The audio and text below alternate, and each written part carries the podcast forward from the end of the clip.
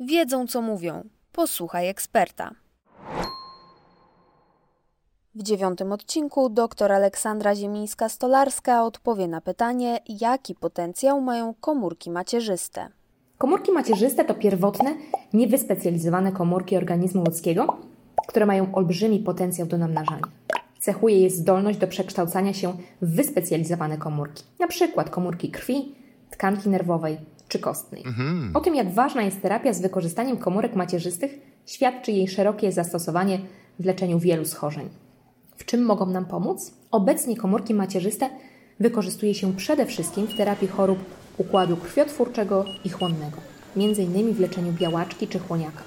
Współczynnik zachorowań na nie wynosił w 2015 roku w Polsce 17 na 100 tysięcy mieszkańców. To aż dwukrotny wzrost od 1990 roku. Ryzyko zachorowania rośnie wraz z wiekiem. U dzieci wynosi około 6 na 100 tysięcy. Drugim obszarem zastosowań komórek macierzystych jest medycyna regeneracyjna, między innymi w leczeniu uszkodzonych stawów. Taki zabieg miał na przykład Robert Lewandowski. Czy w medycynie estetycznej do leczenia ciężkich poparzeń skóry. We wszystkich tych schorzeniach wykorzystuje się komórki, które mogą być pozyskiwane m.in. z tkanek pochodzenia płodowego, czyli sznura pępowinowego, krwi pępowinowej czy łożyska. Po raz pierwszy z sukcesem użyto komórek z krwi pępowinowej w 1988 roku we Francji. Kilkanaście lat później ta metoda była już stosowana w Polsce. Dlaczego krew pępowinowa jest tak wartościowa? W ostatnich latach na popularności zyskują banki komórek macierzystych, których przez wiele lat można przechowywać pobraną podczas porodu krew pępowinową. Przewagą komórek z krwi pępowinowej jest ich wiek, bowiem nie niosą one w sobie historii chorób i mutacji, a więc są zawsze najmłodszymi komórkami, które można pozyskać do terapii. Co ciekawe, w praktyce potwierdzono, że najstarsze komórki, zamrożone w połowie lat 80. do temperatury minus 190 stopni Celsjusza i odmrożone po blisko 24 latach, zachowywały się identycznie jak przed zamrożeniem, co oznacza, że były żywe i nadawały się do przeszczepu.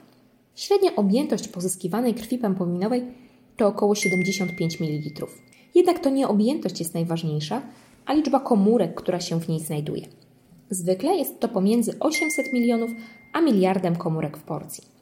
Liczba komórek ma znaczenie w przypadku przeszczepień w hematoonkologii, gdzie przyjętą dawką jest 20 do 25 milionów komórek na kilogram masy ciała. Stąd przeciętna porcja krwi pępowinowej wystarcza dla biorcy o masie od 40 do 50 kg. Często, jeśli pacjentem jest osoba dorosła, taka liczba komórek nie jest wystarczająca i wtedy zachodzi konieczność ich namnożenia. Jak to można zrobić? Obecnie komórki macierzyste najczęściej hodowane są w sterylnych, jednorazowych naczyniach, butelkach wykonanych z polistyrenu, w których oczekują na wydanie w postaci preparatu leczniczego. Żeby uzyskać właściwą liczbę komórek, trzeba zużyć prawie 4000 jednorazowych naczyń hodowlanych, co generuje dodatkowe koszty i wydłuża czas całego procesu. Innym sposobem jest zwielokrotnienie posiadanych komórek przy użyciu innowacyjnych technologii bioreaktorów, czyli w pełni zautomatyzowanych systemów zamkniętych. Dzięki bioreaktorom jesteśmy w stanie w czasie około 3 tygodni uzyskać blisko 200 razy więcej komórek niż przy użyciu jednorazowych butelek. Wow. Dodatkowo zmniejszamy ryzyko zanieczyszczenia preparatu. Na Politechnice Łódzkiej trwają obecnie zaawansowane prace nad konstrukcją takiego bioreaktora. Będzie on wyposażony w powierzchnie hodowlane jednorazowego użytku, wytworzone w technologii druku 3D. Dzięki temu wyeliminowana zostanie konieczność mycia i sterylizacji naczyń, jak dzieje się przy standardowych metodach hodowli. Miejmy nadzieję, że już niebawem będziemy mieli dostęp do nowoczesnych i w pełni bezpiecznych metod leczenia chorób z wykorzystaniem komórek macierzystych, bowiem ich lista rośnie z roku na rok.